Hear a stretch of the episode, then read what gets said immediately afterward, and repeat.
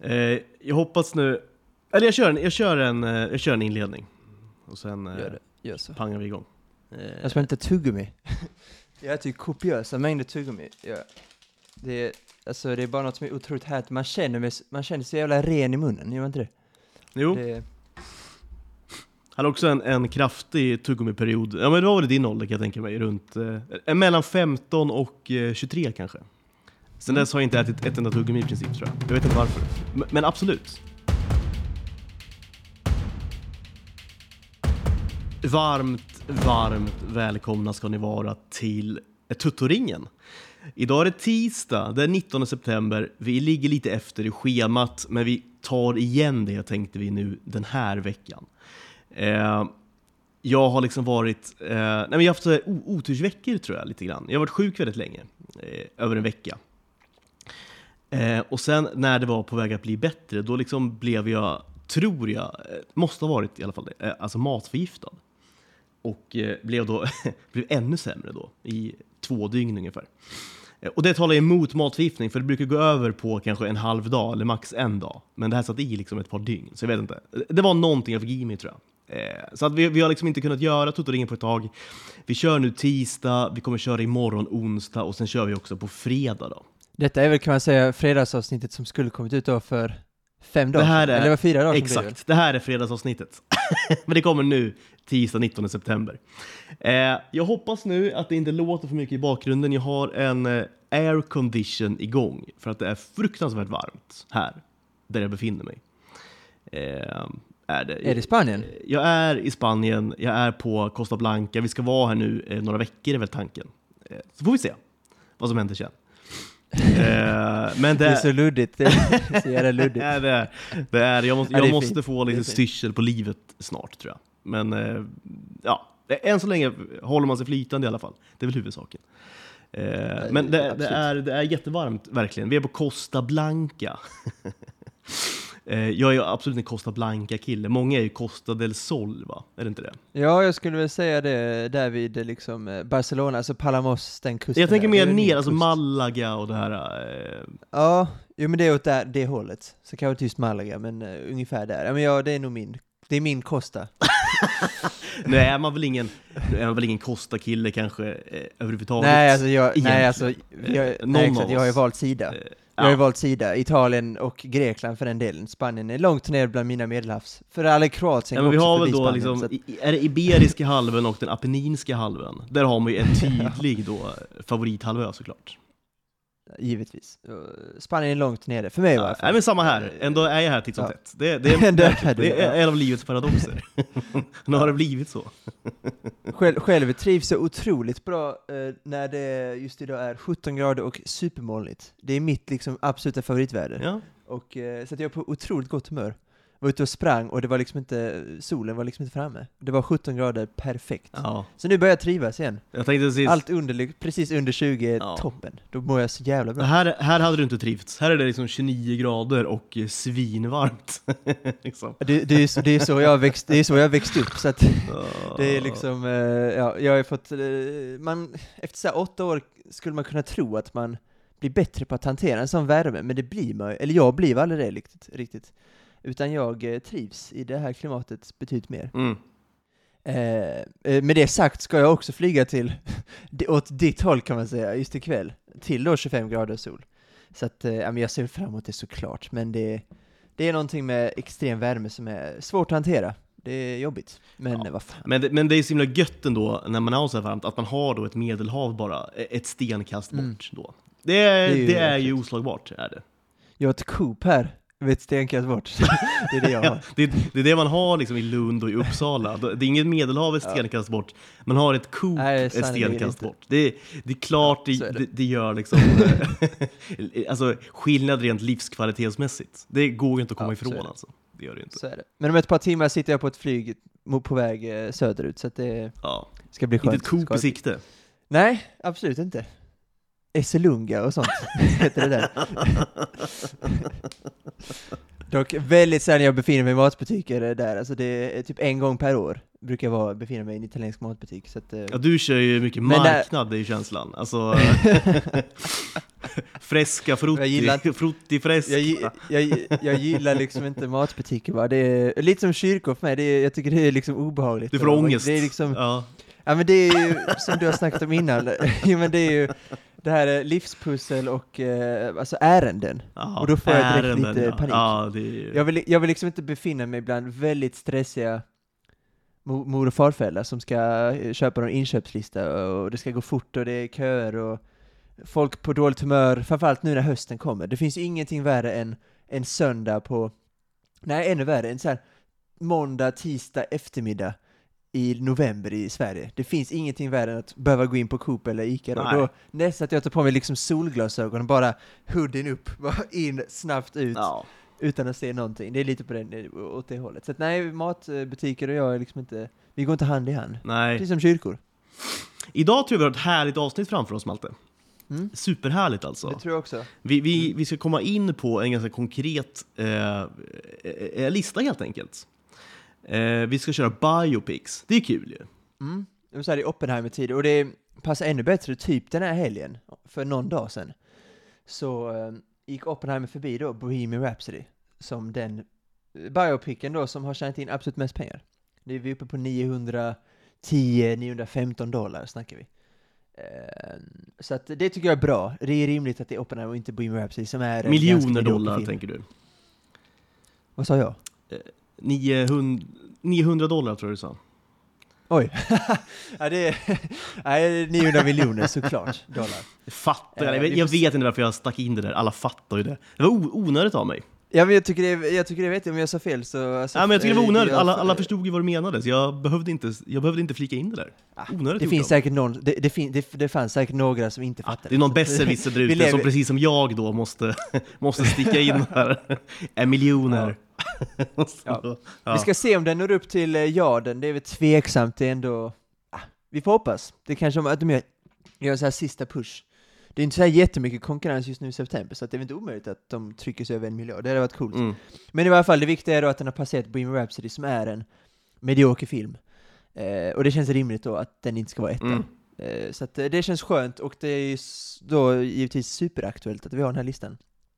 Eh, som är lite kortare för att eh, det är ju, alltså, det är ju en genre, genre, ja det ska man väl kunna kalla det, eh, som är lite svår. Det görs inte så här jättemånga och det är framförallt görs det inte så många bra. Nej, och, Och det ska man, man skulle kunna diskutera varför det är så. Ja. Det, och eh, jag har väl, eh, vi kan väl komma in på det senare, tycker jag.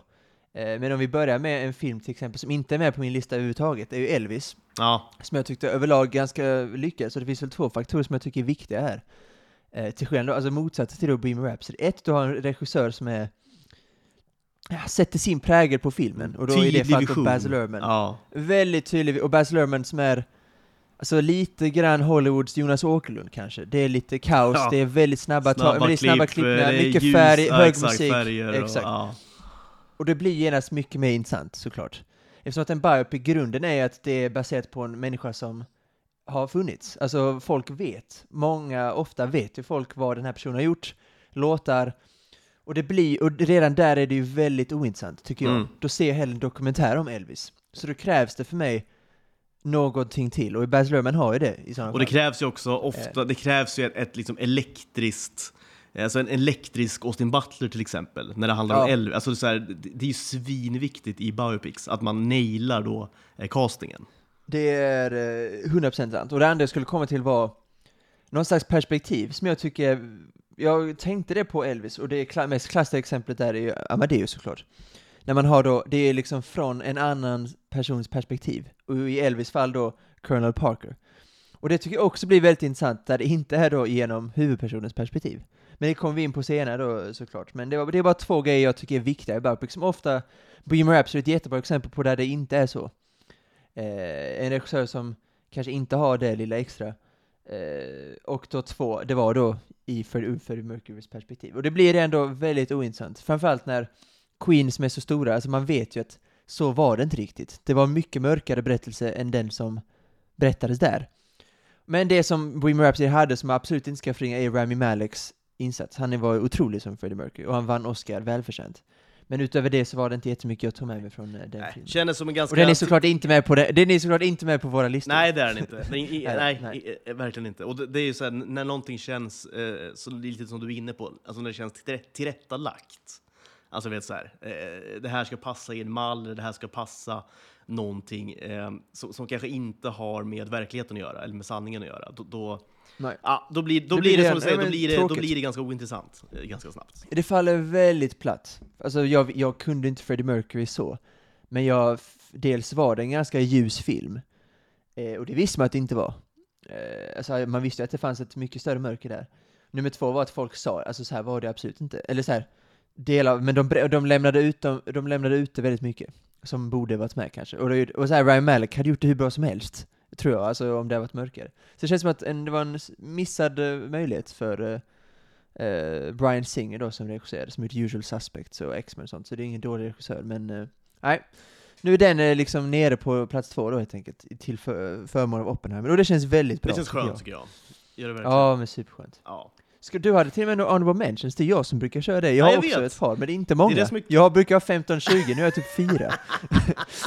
Ja, men som du var inne på, vi kör en kortare lista nu. Det var, det var svårt tycker jag, alltså, så dels att eh, kategorisera då. För att eh, det, det går ju att argumentera för att till exempel Goodfellas är en Exa- biopic. exakt. Eller du vet, Jag skulle precis den typen det. av... eh, Det har ju såklart... Wolf of Wall Street. Wolf of Alltså- Wall Street också, eh, verkligen ett bra exempel. Ja. Så, Ja. Sådana filmer har ju såklart valt bort då, till förmån Ja, från vad jag, jag tycker är en, en renare form av biopics. Liksom. Ja, Eh, ja, men jag håller helt med. Jag har gjort ja. samma avvägning. Sen finns det väl några gränsfall kanske. Eh, men eh, jag har också valt bort dem, för de två hade nog varit med på min topp 5-lista. Just de två vi precis nämnde.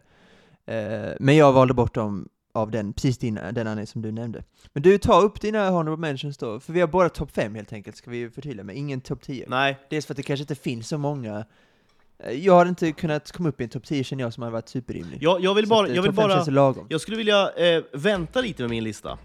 Och, och så vill jag eh, bara prata om ett, ett fenomen jag har ehm, tillskansat mig lite grann de senaste veckorna, här i september månad. Och det handlar om, eh, vi ska återkomma till listorna strax, bara en liten passus. Och där vill jag höra liksom din take på. Ehm, det, det är en film nu som toppar egentligen eh, när man går in på Filmstaden och sådär. En film som heter Jesus Revolution. Den har du Ja. säkert sett att den, den toppar listorna. Nej men jag, jag vet att den finns. Ja. Eh, sen vet jag, om den, ja absolut, jag har noterat att den är ute. Och det är så himla intressant tycker jag, för att eh, det är ju en film som... Alltså bakgrunden till den är ju, nu ska vi inte gå in på den, och jag har inte sett den själv, och eh, det kanske jag gör i något, i något läge, kanske jag ser den. Eh, det är inget jag kommer kasta mig över, men den ska väl kanske ses. Eh, inte minst för att jag gillar då den här tidsperioden, då, liksom, vi pratar sent 60-tal, tidigt 70-tal. Eh, den här tydliga hip, eller hippierörelsen, man kanske lite slentrianmässigt kallar den för. Det finns säkert flower power och så vidare. Det finns, finns, säkert, Ja. finns säkert vettigare, liksom, vettigare... Peace and love. Peace and love och så vidare, exakt.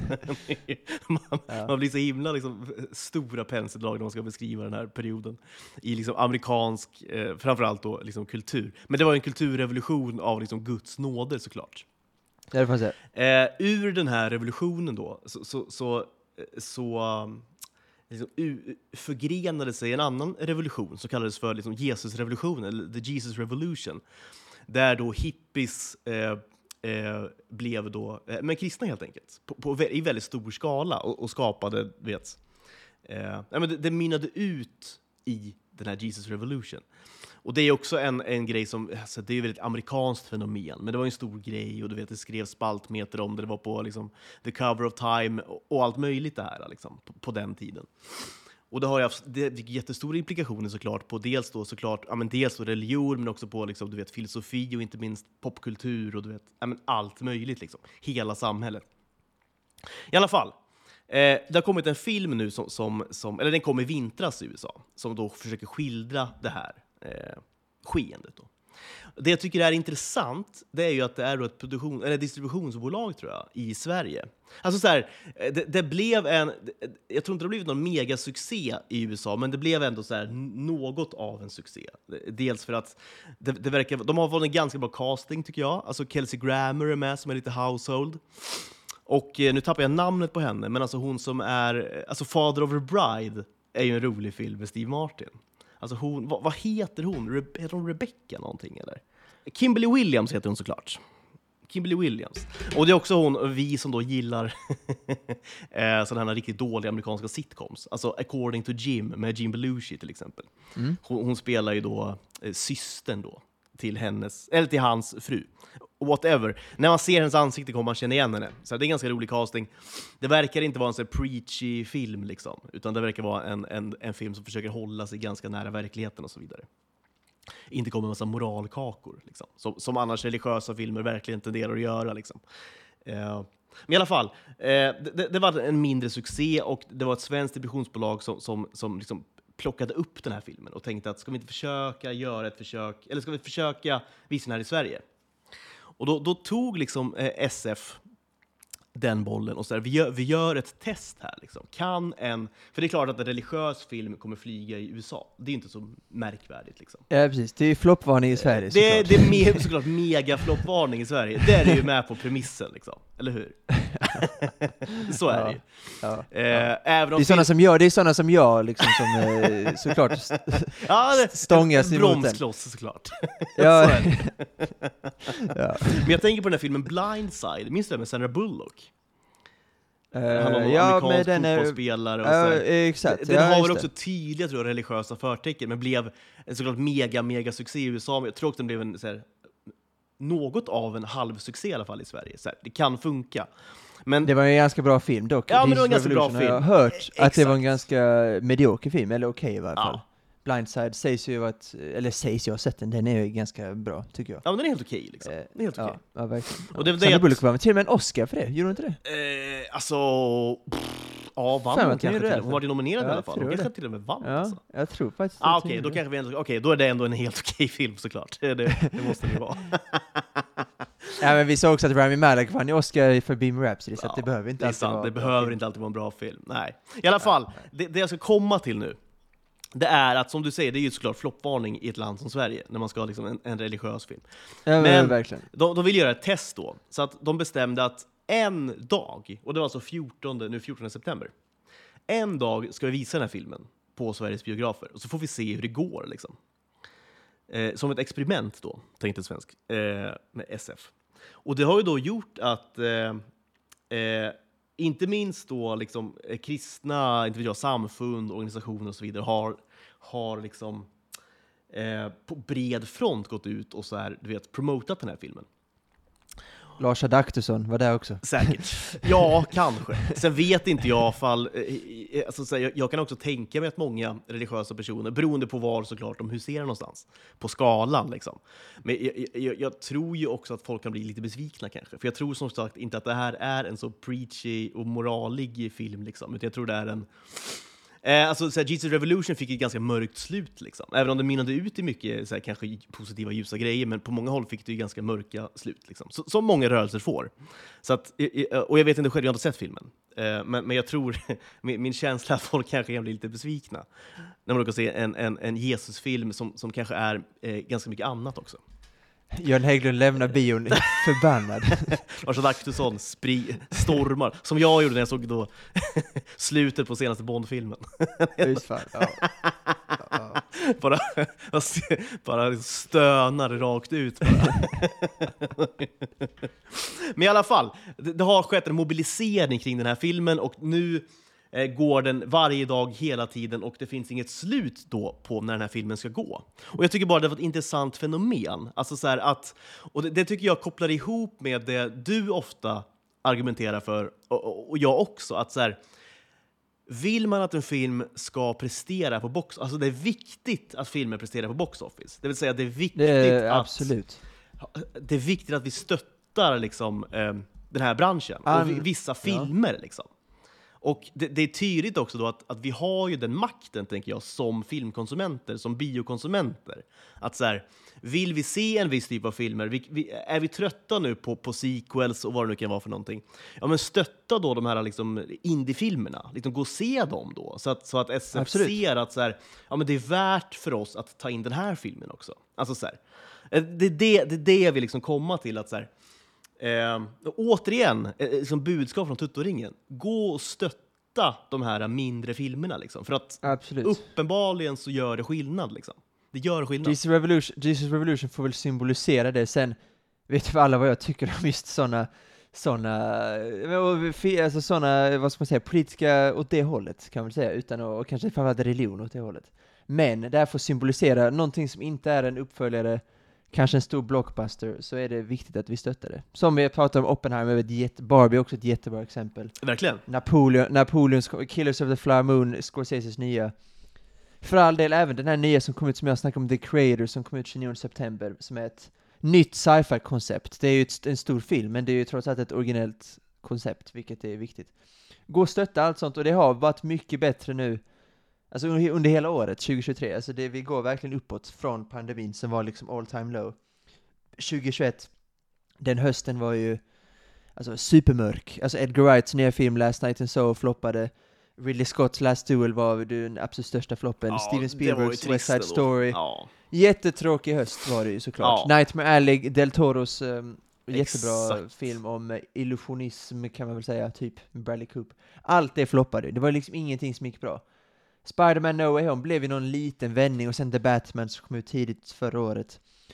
Sen då förra sommaren med Top Gun kanske var liksom den stora comebacken, kan man väl säga. Men i år har det varit mycket, mycket bättre med sådana här lite mindre filmer. Equalizer 3, visst nu är det en uppföljare, men det är trots allt en actionfilm med Denzel Washington. Det är ingen Marvel eller DC-film. Den har gått eh, över 100 miljoner nu. Eh, Teenage Mutant Ninja Turtles, animerad, gick bra. Across the, nu är det också uppföljare, men jag bara sett överlag så går filmen väldigt bra just nu. Across the Spider-Verse, Lilla Sjöjungfrun gick ju helt okej, lite dåligt kan man ändå Men jag säga. tror ändå, exakt, men det var väl, så känslan är att den gick ändå så lite bättre än förväntat kanske? Alltså så här. Ja men, ja, men jag tror det gick precis plus, Eh. det gick precis plus. Och just Ja. sån film kanske, just Disney kan jag, om någon ska floppa så är det Disney, Ja. kan jag känna spontant just nu. Pixars nya gick bra, eh, den här Grand Turismo går väl helt okej också, det känns som att allting, det är väldigt få grejer som floppar.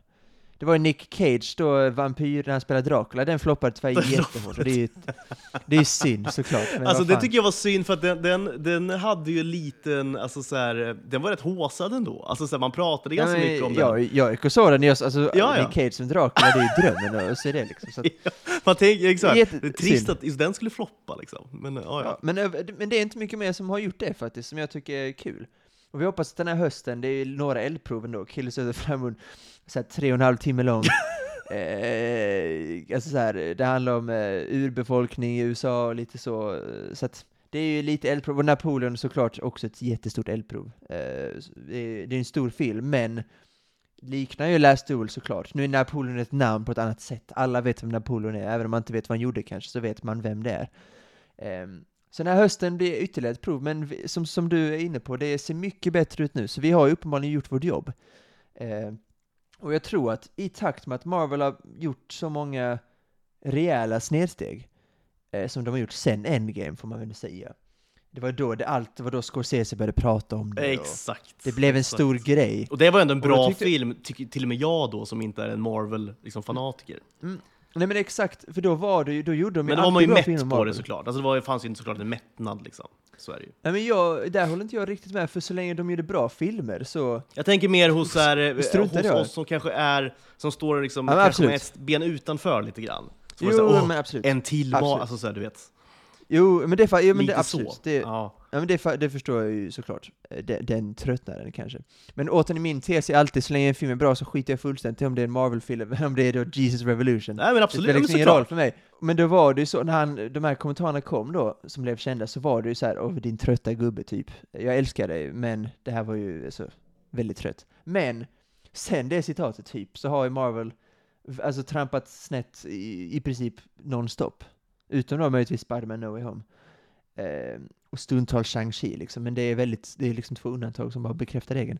Och DC är ju en katastrof just nu. De ska ju reboota nu med James Gunn om näst, knappt två år när Superman-filmen kom ut. Men just nu är det ju ett haveri eh, med The Flash och alltså allting som händer. Det finns ingen tydlig röd tråd. Det ska rebootas återigen, men just nu. Nu är nog folk, tror jag, väldigt trötta på just sådana filmer. Eh, och där, därför tror jag Barbenheimer kom så jävla perfekt. Ja. Precis när vi var som tröttast så kom detta, så jag hoppas verkligen att vi rider på den här vågen, att folk vill gå och se nya filmer som kom ut.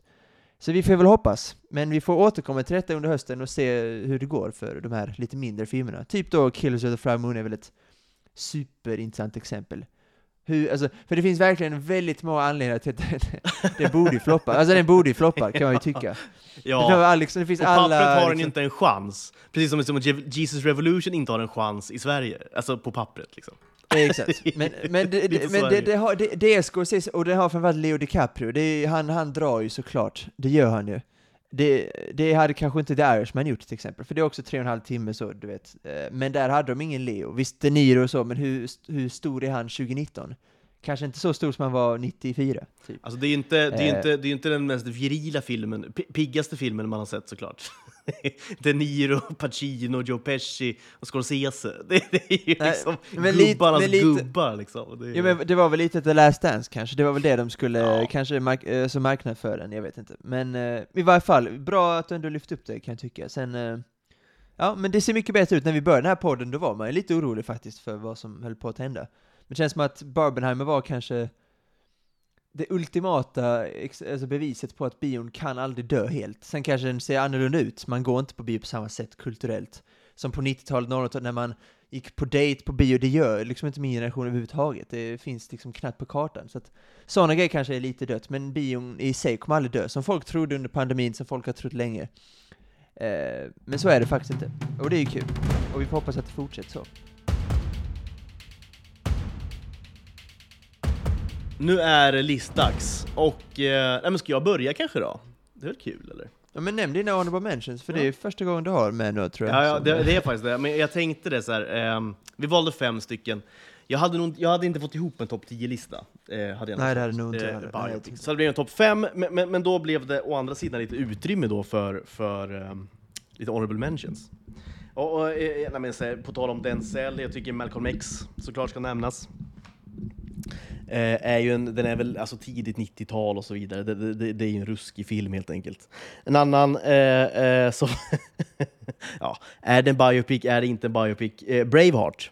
Ja, jag, och jag kan säga direkt, jag har den på min honorable mention också. Ja, ja, men då är det en biopic. Då enas vi om det. Jo, men det, det, men det, var, det är därför den är där. Är det en biopic? Det är det väl bevisligen. Ja. Men, eh, man ser det inte som så. Det är mer en historia, en berättelse om honom, Ja, typ, och, och jag. det känns också som den är liksom... Eh, den är nog kanske liksom 5% sann ungefär, är ju känslan. Alltså du vet såhär... Ja, men absolut, utan att veta. Jag har dålig koll på så här England, Skottland, väldigt dålig koll. Men absolut. Men Eh, absolut. ska nämnas, och, eh, såklart, det, det är ju en, det, det, det är väl en av historiens så här, största filmer typ. Alltså du vet såhär, den... den Ja, men, sådana stora filmer är man ju så jävla svag för. Alltså det är lite Lord of the Rings, alltså Return of the King, alltså sådana stora slag. Och så här klassiska revansch så här berättelser, det är ju... Och en Mel Gibson i hög form, det är ju... Ja men det är ju... Sen en film vi ofta bollar upp här i, i olika, i, i olika då ordalag, det, är ju då Lincoln, Daniel Day-Lewis då. Mm. eh, eh, Vet du vad? Jag, ska, vi, vi, ska ta lite där, vi, ska, vi, måste, vi måste prata om Dan DeLuise i två minuter. ja, det, alltså För såhär, Lincoln- pratar vi biopic måste vi ägna två minuter åt Daniel Day-Lewis. Så jo men, men så är det, för att Lincoln, absolut jag tänkte på den, jag har faktiskt bara sett den en gång, men minns att den var snygg, Mm. alltså det kändes verkligen, Spielberg har verkligen träffat den perioden, alltså historiskt alltså hur det såg ut. Och, Le- och så, Dan DeLuise är alltid bra, så att, alltså, Sen om filmen lämnar så här jättemycket mer än en åtta, det spelar faktiskt Nej, ingen det roll. tycker är jag. väl det- Nej, men det, det gör den inte heller. Det, det är... Nej, men, men absolut, den är en jättebra film såklart. Men den, eh, jag funderade på det, men jag såg Gangs of New York första gången i förrgår. Mm. Och eh, vad jag tänkte på det, för han är ju så, som vanligt otrolig i den filmen. Alltså, ruskigt obehaglig karaktär han Den spelar. tyckte du väl om, den Eh, filmen? Ja, men ja, Ja. alltså, fantastisk. Men, men, men, super, men superhärlig film såklart. Eller härlig är väl fel ord kanske, men den är ju stark. Är den. Ja. Ehm, och men framförallt det som lämnar nog störst avtryck är nog Daniel DeLewis. Kanske Leonardo DiCaprios uh, irländska. men eh, nummer två är... Och basker där han brukar ha på sig. Ja, fantastiskt. Unga Leo, det är liksom härligt att se hans tidigare, så här, eh, den, The Man and the Iron Mask, om du har sett den med Ja, Jeremy Irons. gud ja. Ja, ja, Så här, ja. lite härligt att se honom så här, innan han blev Ja. ja, med Jordan Belfort och Inception och allt det liksom. Det, ja, men, The mysigt så Beach tidigt. och de här uh, otroliga filmerna. Exakt. Ja. Alltså post Titanic och Basketball Diaries och allt vad de heter, och så här pre det han är nu idag. Ja. Liksom. Väldigt härligt att se det också. Men nummer ett som jag tog med mig, förutom då Leonardo DiCaprios irländska, är då Daniel Lewis och vilken otrolig skådis det faktiskt är. Och nummer två, hur han då liksom är någon italiensk, vad är han, skomakare typ? Typ, ja. eh, eh, nu ryktas det om att han är på Irland. Okej. eh, Och driver något hotell, jag vet inte. Men något sånt har jag hört. Det, Otroligt. Om det här stämmer, eh, blir då första liksom, Tuttoringen-resan blir Ja, då det blir till det här hotell. hotellet. ja, men, det, men det var sån härlig, ja, men det var så, för han är så jädra obehaglig i den här filmen, alltså Ja, fruktansvärt ja, det är obehaglig. han. och han är, ju, han är ju helt makalös, så när man vet också hur han beter sig utanför, det vill säga då med hans, man kan tycka vad man vill om det, men med hans, eh, när då, som vi alltid har tagit upp, på tal om Lincoln då, skriver sms som Abraham Ja. Lincoln då till Sally Men det, det har ni, och jag, jag kan tänka mig bara hur Leo och, och, och de andra tänker, för jag såg en bild bara fladdra förbi veckan från inspelningen av den här filmen. Där då, Gangs eh, New York? ja, Ja. när då Leo och Daniel Day-Lewis sitter tillsammans, alltså bara mellan två tagningar. Och Leo sitter då, ja, de sitter i två stolar, Leo sitter i en vanlig regissörstol, du vet. Ja, sitter och, inte vet jag, dricker lite vatten typ eller någonting. Daniel Day-Lewis sitter då i en, i en då stol då tillverkad då vid den här tiden. Alltså den är då tidstypisk då. Alltså han kan inte ens sitta då i moderna möbler, alltså mellan tagningarna. Alltså du vet så här, Ja. det, är, det, är, ja, det är kul och det är ju verkligen Daniel Ja, Day-Lewis. det är kul. Han måste ju vara en absolut pina att, eh, att leva med. Jobba med. under Ja, inspelningen. Ja, men det, Ja. och, och jobba med. Det, det, det måste vara Ja. fruktansvärt alltså, förmodligen. Ja, men, det, men tänk Spielberg som Spielberg som verkar vara världens trevligaste människa, alltså det måste ändå varit lite jobbigt för honom att Ja, det tror jag. handskas med honom Det som tror. Lincoln, det tror jag.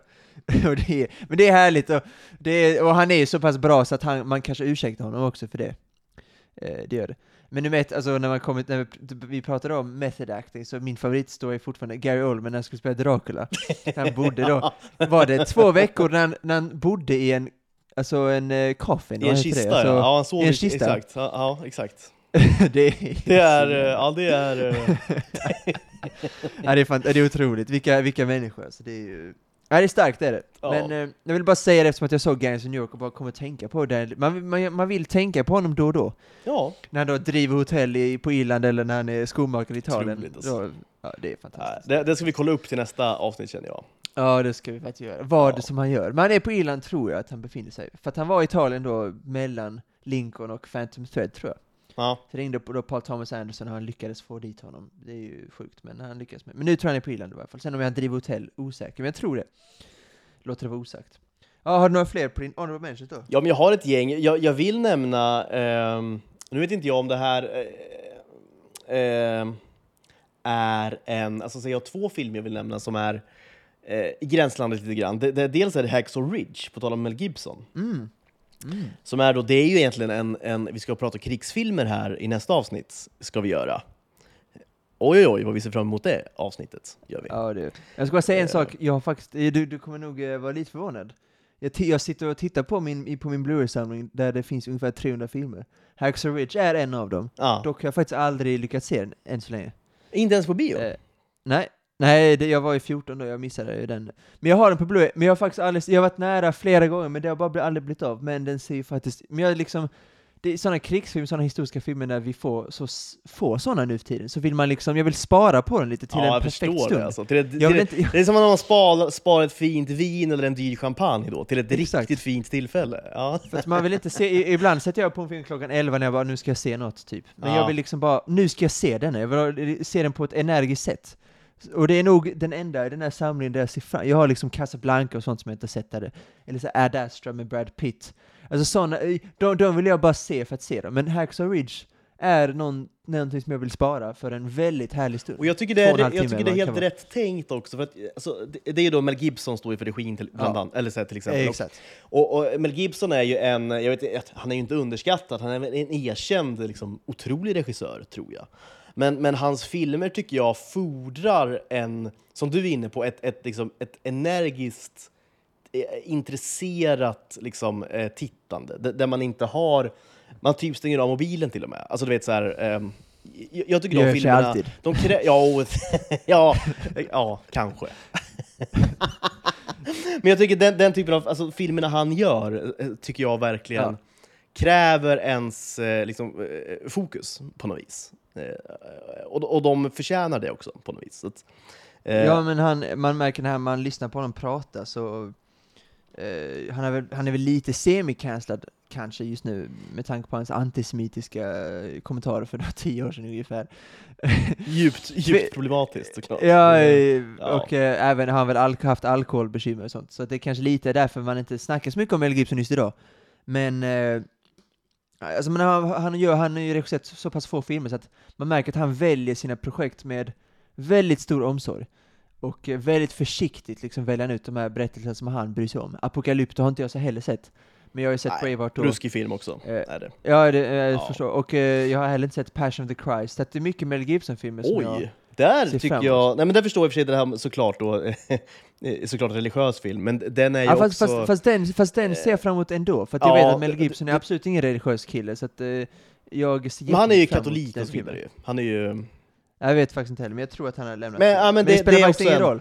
Det, det är en, Men det det- är, jag- den jag kommer, jag, emot tror du den. kommer tycka om den filmen, tror jag. Faktiskt. Ja, det tror jag också. Eh, Det, för det är, alltså, även om man inte, alltså, jag, det jag är lite emot, det som This Revolution lät som är att predikande, det är det det låter som, samma som den här Sound of Freedom, också en konservativ film. Men det är, ju- en otroligt intressant period, alltså historiskt. Scorsese ska också göra en film om Jesus verkar det som, så att det är ju, det, det är liksom inte det jag är emot, det är oftast det här, eh, om det finns något politiskt bakom. Preachiga och moralkakiga, amerikansk... Exakt, om det finns något politiskt ideologiskt liksom, bakom kristna det. högern ska inte göra filmer.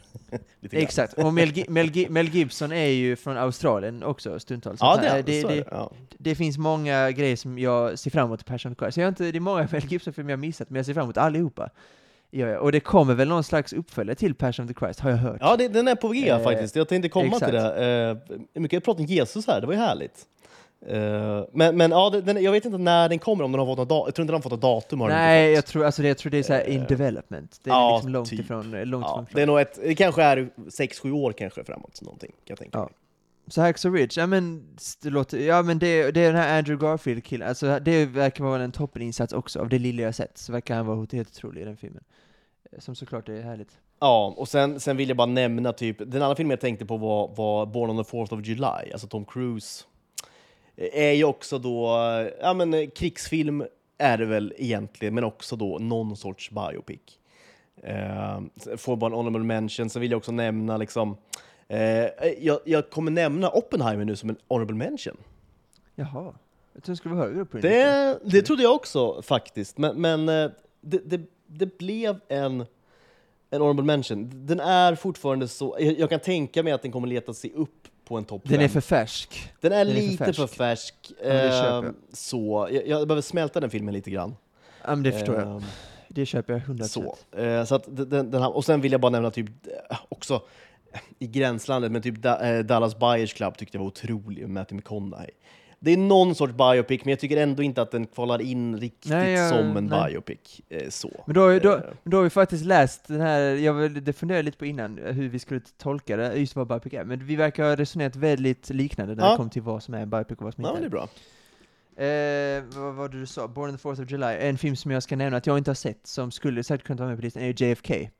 Eh, Stone då. Också den, ja alltså e- exakt. Men men den hamnar väl också där i det, liksom, det gränslandet. Ja. Den finns på Netflix på svenska, jag har inte sett den än. Den är tre timmar lång, det Den finns ju lite. Men det är Oliver Stone, det är Kevin. Costner. Ja, Ja, jag såg den bara här om veckan faktiskt. Eh, Är du det? otrolig. Ja, är den. Right. Jag har bara tre här uh, on the benchen som jag ändå vill nämna. A Beautiful Mind med Russell. Crowe. Så John Nash tror jag han heter, den här uh, matematikern. Eh, som tror att han är involverad i något slags ryskt, rysk spioni på något sätt. Den är jättestark. Den är jättestark är den. Ja, den är otrolig. Eh, och han förvaltar Russell Crowe, en av mina absoluta favoritskådisar. Eh, väldigt bra film som, eh, ja men den är bara en stark berättelse bara. En så, så, så som en biopic borde vara. Man gör inte en film om, vad ska man säga, Freddie Mercury bara för att han är stor. Eller för att man är intresserad av honom. Utan man gör det för att det finns en stark berättelse här.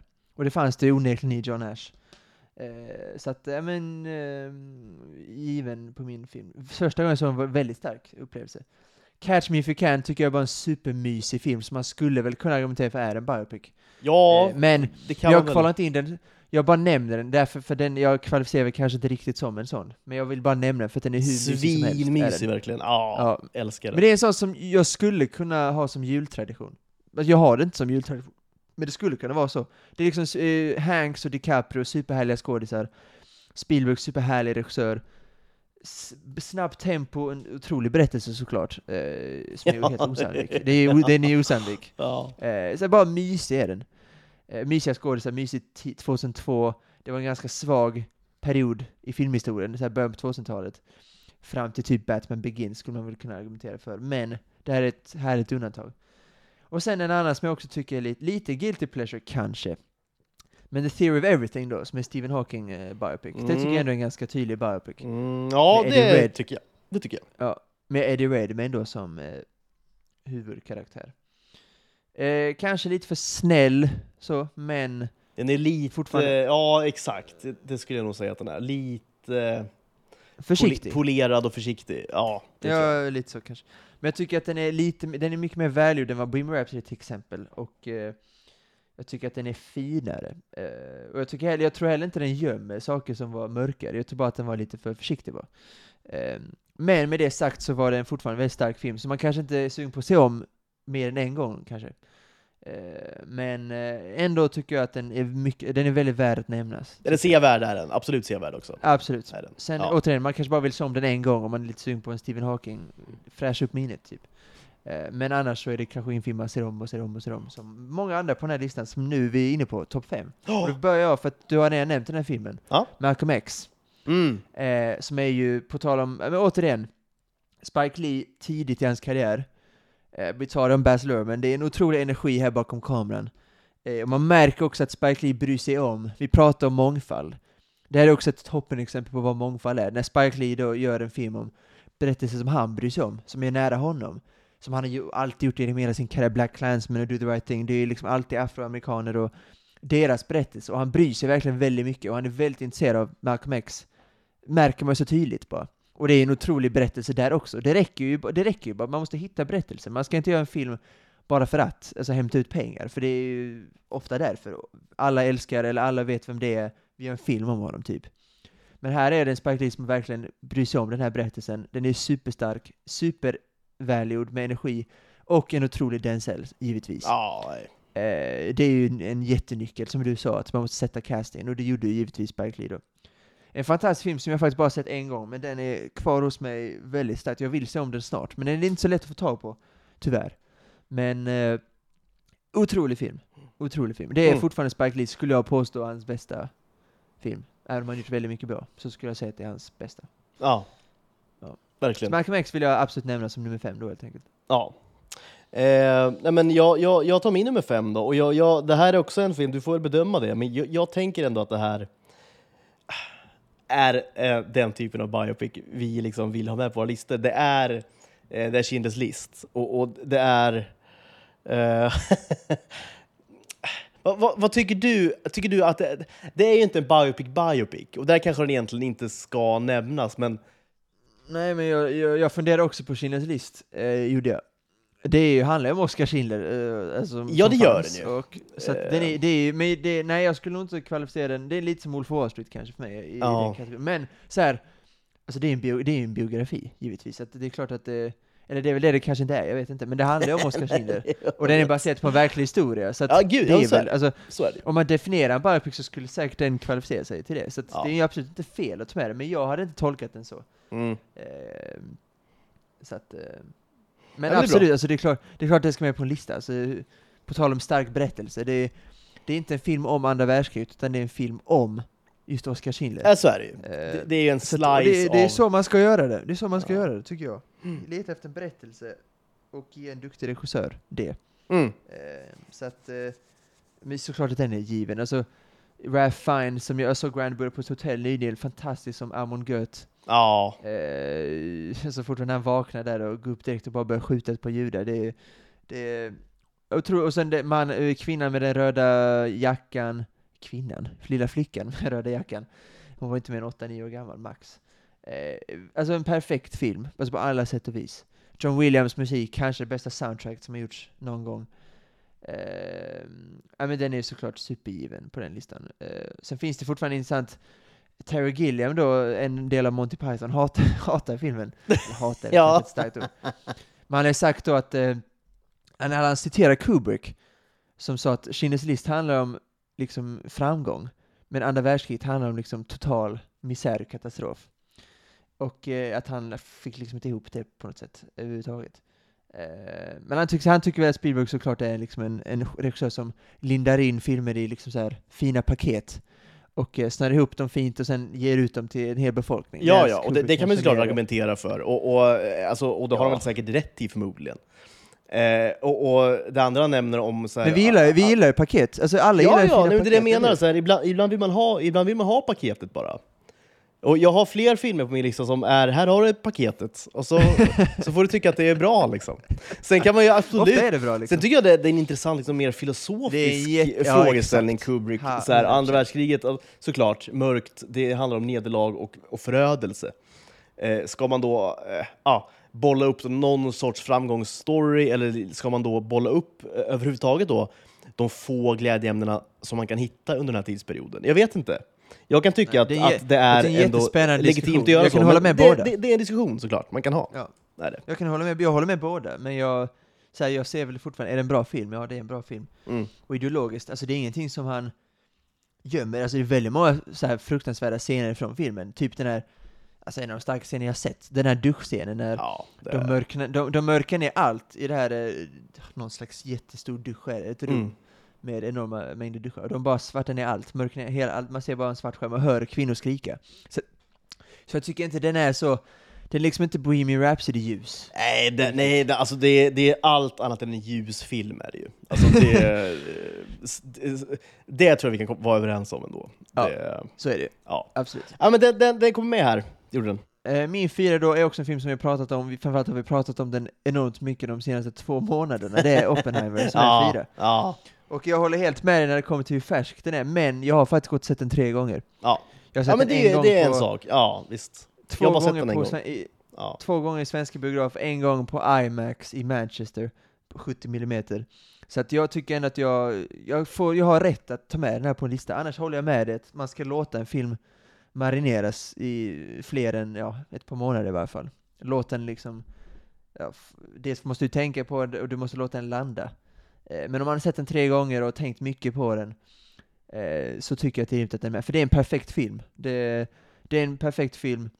Vi pratar om regissörer som sätter sin prägel på det, och i Nolan är det givetvis tidsaspekten, att det, man kastar sig fram och tillbaka mellan tid, tids... Ja, det är väl ett par år i varje fall.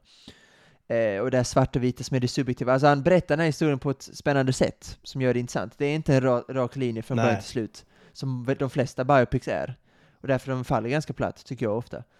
Ehm, så att, ja, men det är en och musik, alltså vi pratar om det tekniska, en av de bäst klippta filmer jag någonsin har sett. Musiken är, det är det bästa soundtracket, kanske ja, sen... det är fantastiskt. Alltså. Ja men Fantastiskt. kanske, det, ja, men kanske Ja. och det är coolt då att han är från Sverige givetvis, det är därför vi pratar om det. Men, Det är sjukt det är- egentligen. Alltså, ja, är, vi liksom till, är, är vi liksom tillräckligt stolta över, över honom? Är vi det? Nej men, jag, men, eh, nej, men jag tycker så här att vi, eh, det som är så speciellt med Sverige är att vi, alltså hela landet borde vara stolta, för att vi är ett land där man hjälps åt, alltså man gör saker tillsammans på ett sätt, man bidrar till ett samhälle på ett sätt som man inte gör till exempel i USA då. Med, så vi borde ju vara väldigt stolta över de, vi har liksom betalat för hans utbildning, han var i USA och pluggade liksom. Alltså vi, hela landet borde vara stolta över alla våra, för vi, har, vi hjälps åt i vårt land, därför blir det extra Det är speciellt. en paradox. Det är paradoxen då, det du nämner, och sen har vi då det här Jante liksom. Det är ju, Ja, det är ju det, det är en paradoxen vi lever med som svenskar, tyvör. Det Ja men det är lite, och samma med nu Ludde Åberg som man, jag, man liksom går runt och är stolt över honom, för att eh, nu har han liksom pluggat i USA och han, hur, sett han för sig och sett såklart det med hur han spelar liksom, det är såklart det viktiga. Men man blir stolt på ett annat sätt, för man känner verkligen att man bidrar, ah, vi bidrar i vårt land, och då blir det extra speciellt när man, eh, när det blir, men vi får sådana otroliga framgångar. Han är en av de bästa golfspelarna i världen, Ludvig Jönsson är en av de absolut bästa kompositörerna just nu som arbetar inom film, så är det ju bara, han har etablerat sig som det. Och jag, min, poäng var att han skulle nog, detta är nog det bästa soundtracket sen Interstellar, skulle jag nog kanske vilja påstå.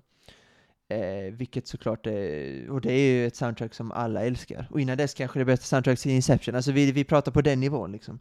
Och det är också en Nolan-film, så det är exakt, exakt.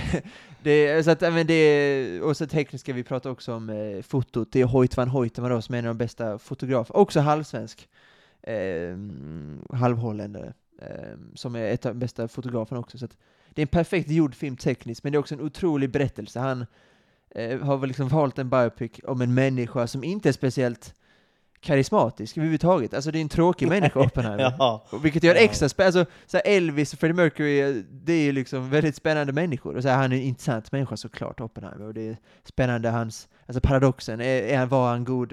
Det är ju spännande, men han som person, Som är ju, person är ju en, en, en grå människa. Är det ju. jag menar, grå, alltså hur trist som helst. Ja. Alltså, kanske en av USAs tråkigaste under den tiden. Men väldigt intressant såklart, berättelsen är otrolig. Den är, alltså den är bara perfekt, och den kommer nog bara bli ännu bättre, som alla Nolans filmer. Så att Oppenheimer kan nog segla upp lite till. Mm. Så att Oppenheimer 4. Ja. Och för, alltså, den kommer nog vara etta på min lista när jag gör min topp 2023-filmer. Skulle jag vara väldigt förvånad om, om det är något annat. Så är det. Eh, min nummer fyra är eh, The Aviator, Leo. Mm. Mm. Eh, om då den här otroliga, eh, komplexa, eh, liksom galna eh, människan eh, Howard Hughes. som jag tycker är Eh, nej men, det, det, dels är det en fantastisk film alltså. Det, eh, Leo är... Eh, han, Han är väldigt bra den eh, Det är en av sitt livs roller tycker jag han gör. Ja. Och det är en så spännande person, så spännande story, så spännande liv.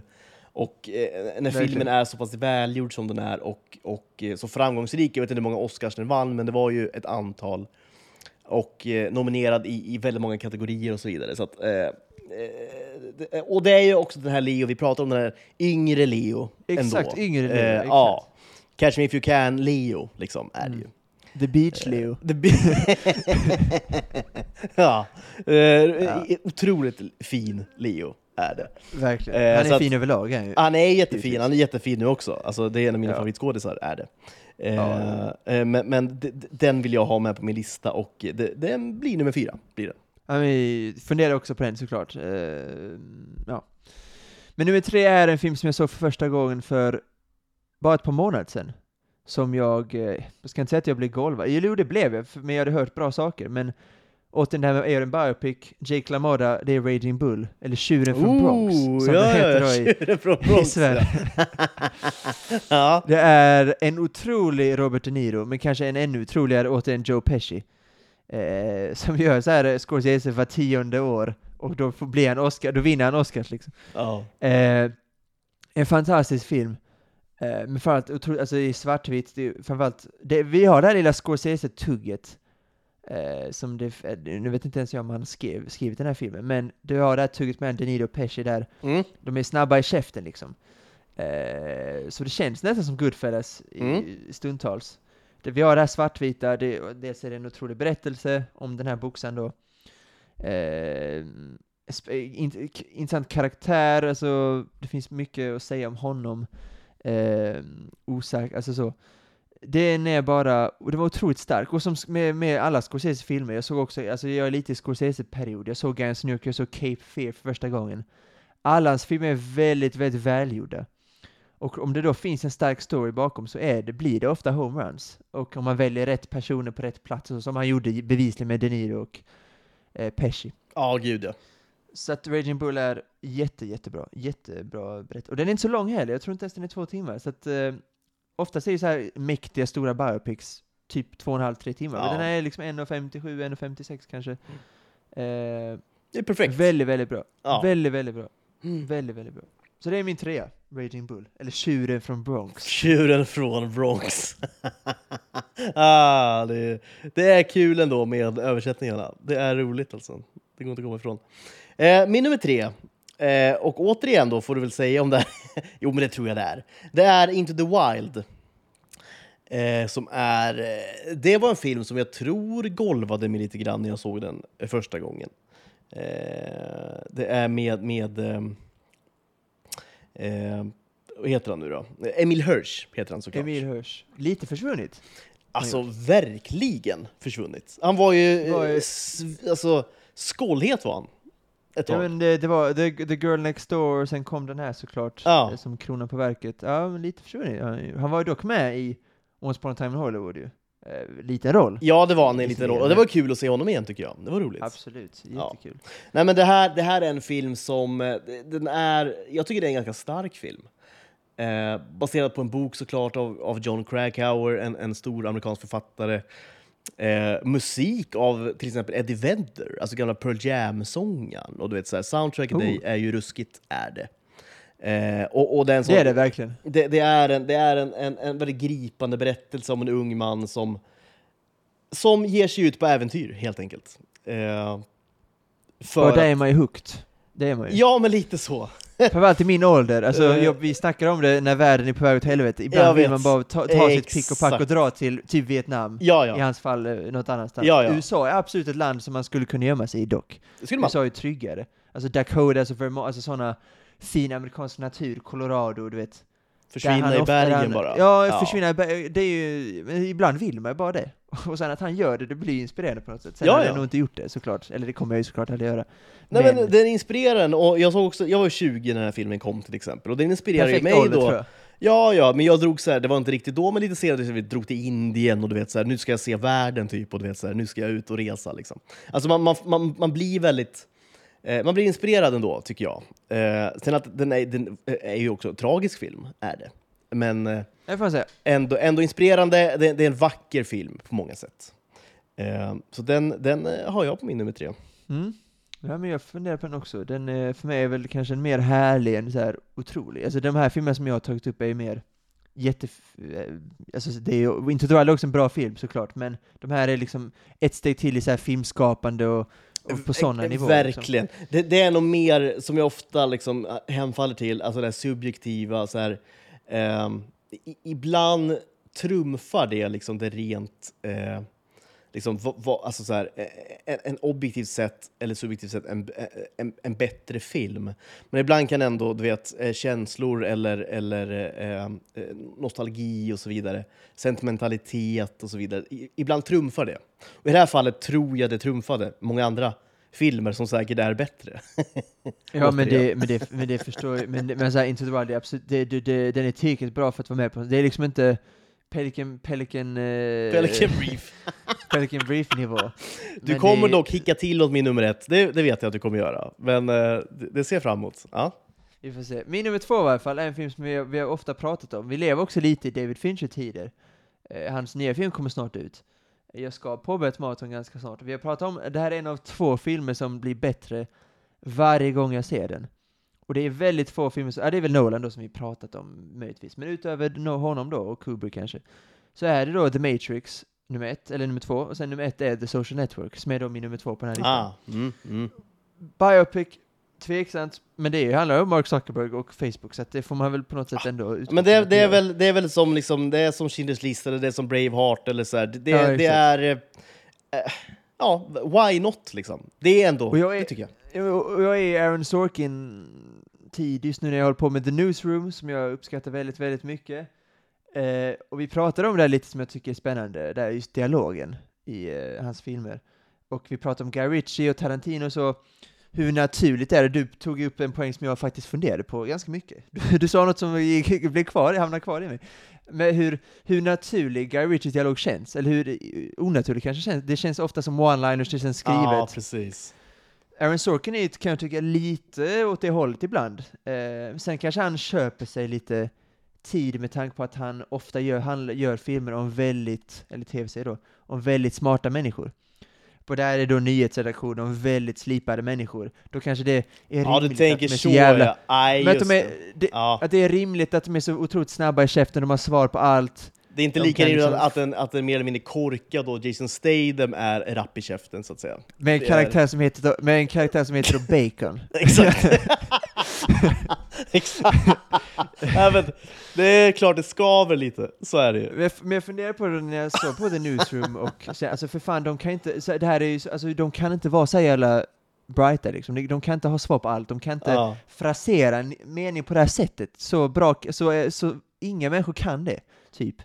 Eh, men han eh, köper väl sig den friheten, han gör bara filmer om så här intelligenta människor. Vi Ja, pratar. Mark Zuckerberg, vi Ja. pratar Trial of the Chicago 7 till exempel. Det är liksom, West Wing och så vidare. Det, Ja, exakt. Så det kanske är rimligt då helt enkelt. Jag har ingen aning hur det låter på nyhetsredaktionen, men, men jag funderade lite på det när det kom till Sorkin, för han, han snackas ju om som den bästa manusförfattaren där ute.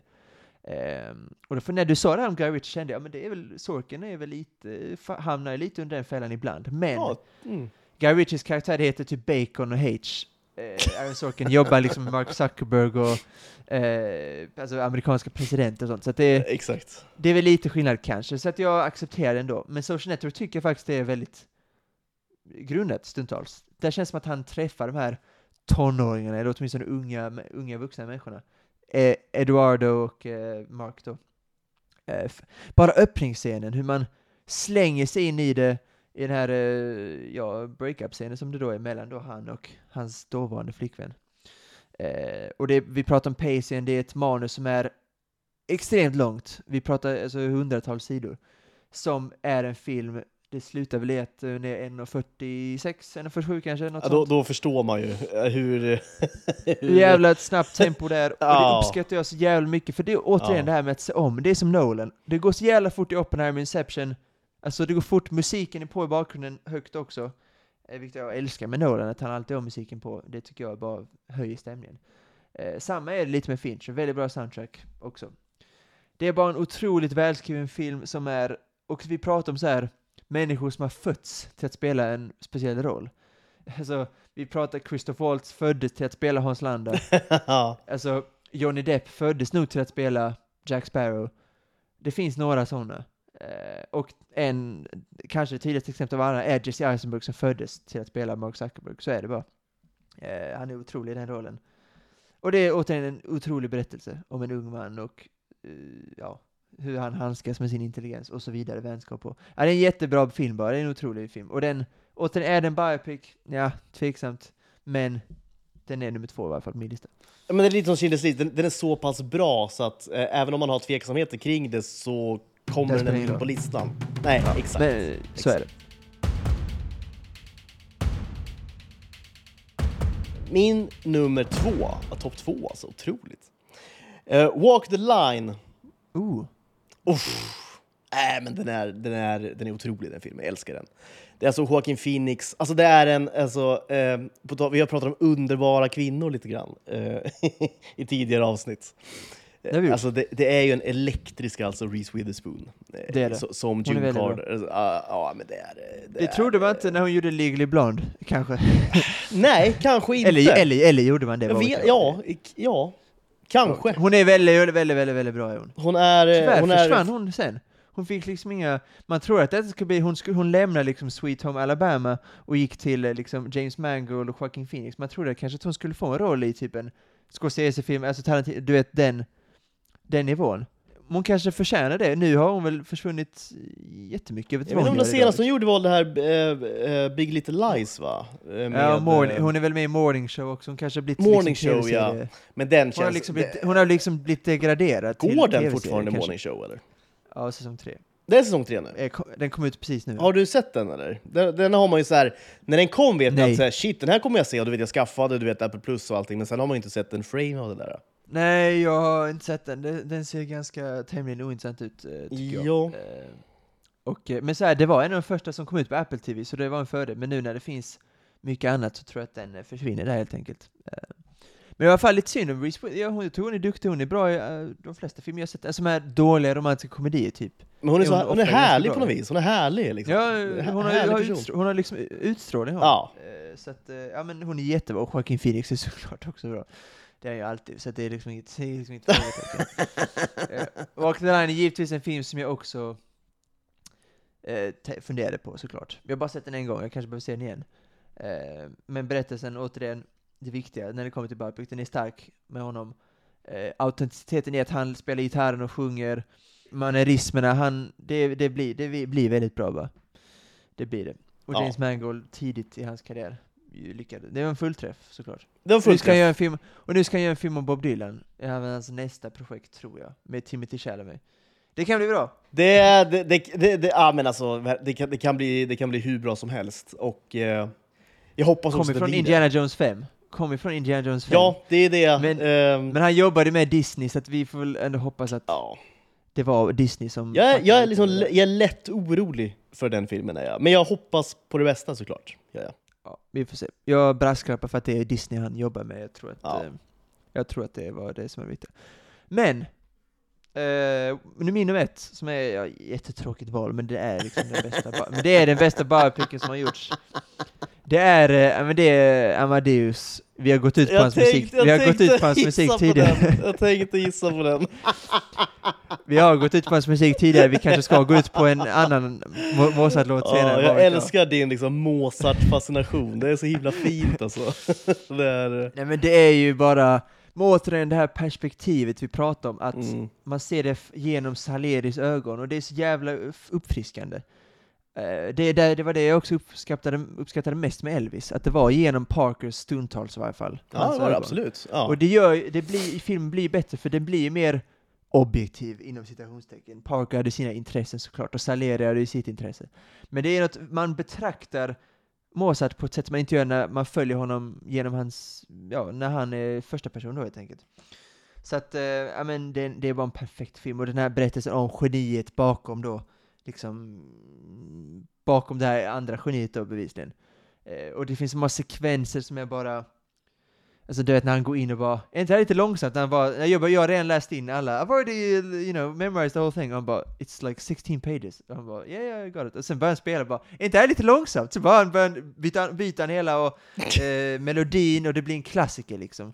Så att, det finns många sekvenser i filmen som är bara, när han förnedrar liksom den här Salieri då. Alltså, men det är liksom den ultimata biopicen, det är det. Ehm, så vi får se om Oppenheimer med tiden kanske växer upp till en sån nivå. Eventuellt, men Amadeus det är något speciellt. Det är ju Mozart, det är liksom en av, alltså vad är det, en av de fem, sex, sju mest talangfulla personer som har levt. Alltså alla Ja, det, är väl in, det är väl inte alls omöjligt. Visst. Så att eh, det är klart att det finns potential i en sån film givetvis. Är Och det Milos nästa Forman, topp 10 talangfulla människor som någonsin levt? är det, vår, är det Så det kräver sin ringenlista? research alltså. Nio, Ludvig Åberg heter typ på en lista. Mozart 1, Ludvig Ludvig Åberg ko- kommer ändå in på en nionde plats. ja, inte omöjligt alltså, inte omöjligt. Ja, men, eh, kul att du nämnde den, och jag, jag tänkte verkligen gissa på att du skulle nämna den, för att den, den är ju så liksom... Eh, nej, men det- det- den är väl generellt ansedd som en av, liksom, men som den bästa biopicen. Och vad hände med han Tom, Tom Hals, eller vad han som spelade Mozart? Var han försvann helt ju? Ja, Han- alltså han- det, ja. Jag tror att Edvard af Sillén skrev någonting som jag uh, tyckte om att läsa, och att han typ sk- skolade om och blev så här chef på någon, i någon teater, alltså han är framgångsrik nu inom teatervärlden tror jag. sånt. ja, men det kan jag i tänka mig alltså, eh, Ja. kan jag göra. Hans härliga garv, det där garvet som liksom var, så fastnade i mig på något sätt. Det var, det var, liksom, det var också på tal, på tal om elektriskt, det var en elektrisk insats av honom. Att Ja. han helt försvann sen tycker jag ändå Exakt! lite konstigt. Och, men- det gör ju också allting mycket mer spännande ju. Alltså så här, man, man, Ja, man är ju svag för sådana grejer. Så här, en punktinsats som kanske är den bästa punktinsatsen som någonsin gjorts. Och sen bara försvinner man. Det, det, det är... för, för, för, man älskar ju, alltså försvinna på grund av att man var för dålig, inte så fräscht tycker Nej, jag. det är inte lika Det- kul. Nej, Nej men det det, dels så tycker jag bara inte det är så det är bara tråkigt att man aldrig, det, det är något mörkt över det som jag inte gillar bara. Ja. Men man älskar det här Dan Lewis, man väljer att trappa ner, åka till Irland och driva ett hotell, eller bli skomakartal, eller det här Tom Halls byter karriärsbana, alltså han är fortfarande inom så här kultur, men byter lite karriärsbana, det är ju fräscht. Och då är Frank Murray Abraham blev ju såklart, eh, det hans karriär lyfte ju såklart. Han, Ja, White, Lotus. White Lotus nu senast är han ju hur bra som helst i. Eh, jag såg honom också då i Grand Budapest Hotel eh, för ett par dagar sedan bara, så att eh, han är såklart, han lyckades ju med sin karriär givetvis. Men han var det såklart etta, givetvis. Liksom. Eh, jag- kommer nu till min nummer ett här, och eh, det är väl kanske raka motsatsen till... Eh... Ja, men nu är jag lite nyfiken. Du har inte ens- Amadeus på din lista, det kan jag tycka är lite Nej, märkligt det, det, var, det var högst medvetet. Att, eh, men jag, jag är glad att jag, jag var liksom, återigen, jag har en ganska liksom, vad säger man, komplementaristisk syn på våra listor. du visste att jag skulle ha den eller? Jag, jag tänkte att sannolikheten är ganska hög ändå. Därför kände jag mig trygg att liksom utelämna den lite grann. Alltså, så här, jag, jag tänker att våra Ja, listor men jo. Kanske ska man se våra listor i liksom sitt stora sammanhang lite grann. Att man inte bara så här, ska, de är liksom ehm, syskon på något sätt. De är lite syskon, de kompletterar varandra, alltså lite så. Eh, Ja. Jag tror vi tänker li ganska lika där ändå. Ja, men det tycker jag. Ja, men Eh, absolut. det, är bättre, det är bättre för content kan man säga, att vi har olika filmer. Så är det ju. Det, och, och det, här, det här är ju då nästa då Pelican Brief. Eh, på är flera sätt är det. Ja, Men det är, vi, vi, vi pratade om paketering förut, att man ibland bara vill ha ett... Ibland vill man bara ha en Hollywoodfilm som är så mycket Hollywoodfilm det blir. Och så vill man bara sitta och mysa då i, i 1.45 eller två timmar. Och bara då sväljer allt eh, man matas med med hull och hår bara. Eh, och, och, och man tycker det är bra. Och det här är då återigen, det är intressant ändå att det blev så här, men det är återigen Julia Roberts. Är det Erin eh, Brockovich? Det är Erin Brockovich alltså. Ja. Men, här, men, det, men det är inte, men det är så här, jag ska vara väldigt tydlig, det är ju inte nästa Pelican Brief, det här är ändå en ganska bra film får man ändå säga. Du tycker det här är bättre än Pelican Brief? Ja, ja det får Ja. man ju säga. Ja. Det får man verkligen säga. Sen har jag mina bekymmer med Steven Soderbergh. Har jag, jag, det, jag är inte alls förtjust i honom som regissör, jag tycker att han är... eh, Det här musiklösa, det här tomma, det finns någonting i hans filmer som jag tycker, förutom då Oceans Eleven typ. Där han, Ja. jag, det, han och jag går liksom inte hand i hand. Det är någonting, Nej. jag har sett han klipper filmer, sen är hon fantastisk i, i filmen, eh, Julie Roberts givetvis. Ja, det är hon. Det är hon. Och det är mys att se eh, en sån stjärna eh, som, eh, så här, den är bara 1,40 typ, ish, 1,50. Ja, något sånt. Eh, ja, ja, men eh, såklart den var kanske inte nära min lista, men jag, den här respekterar jag kanske mer än Det vad jag är ju ändå det är en så himla härlig film tycker jag. Alltså, då, Ja. Och Aaron Eckhart som den här då bikern är, ju- är ju alltså... jag Han också älskar bara försvunnit, han har honom. också försvunnit lite, Aaron Eckhart. Lite tråkigt, han är ju, Ja, otro- för har mig han är gjort han det kanske?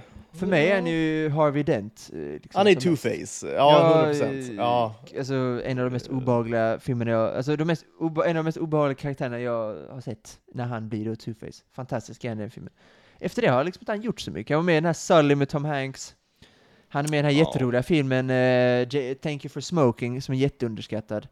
Eh, Okej, med inte Jason, sett. Ja. Jason Wright, alltså i Ivan Reitmans son då, Jason, som gjorde Up in the Air och sånt. Han, det är hans första film var Thank You For Ja, Smoking. ja, ja. Väldigt bra. Så att han har försvunnit, det tycker jag är tråkigt. Han är väldigt bra, Aaron Brockovich också. Eh. Så ja, att, eh. Älskar den karaktären. Ja, ja. Ja. Och, och, och, och älskar den filmen. Eh, ja, men du, du, du fattar vad jag menar. Alltså, den här också eran av Hollywood är man ju, jag i alla fall, mega svag för alltså. Absolut. 2000 Ja. tror jag den kom ut va? Ja, något sånt. Exakt.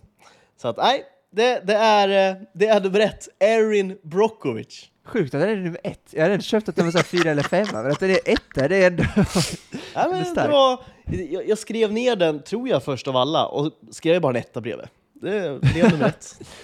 det första du gjorde var att trycka ner den som nummer ett. Det här ska vara nummer ett. Ja. Så är det. Ja. Nej, så här, det antingen är det nummer ett, eller så är den inte med på topp fem, tänker jag. Alltså, så här, Ja, du, det, var så, det var så du Eh, tänkte? ja. okej. Ja. Ja, visst. Ja, men det är väl möjligt. Så är det.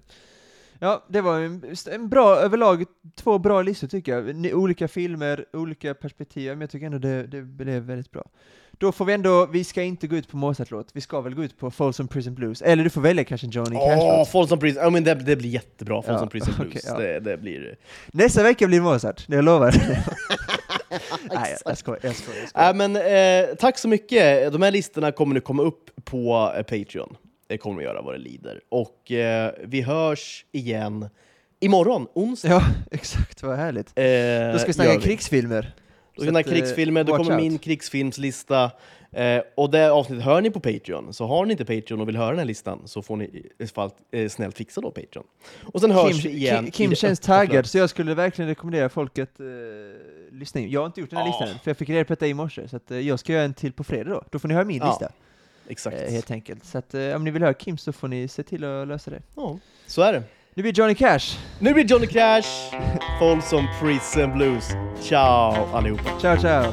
I hear the train a comin', it's rollin' around the bend. And I ain't seen the sunshine since I don't know when. I'm stuck in Folsom Prison, and time keeps dragging on. But that train keeps a rollin' on down to San Antone. When I was just a baby, my mama told me, son, Always be a good boy, don't ever play with guns. But I shot a man in Reno just to watch him die. When I hear that whistle blowing, I hang my head and cry.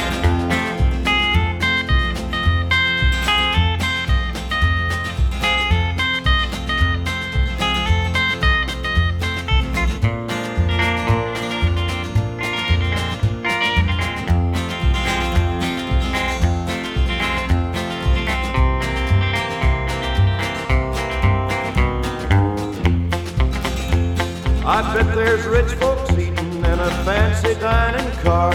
They're probably drinking coffee and smoking big cigars. Well, I know I had it coming. I know I can't be free. But those people keep a moving, and that's what tortures me.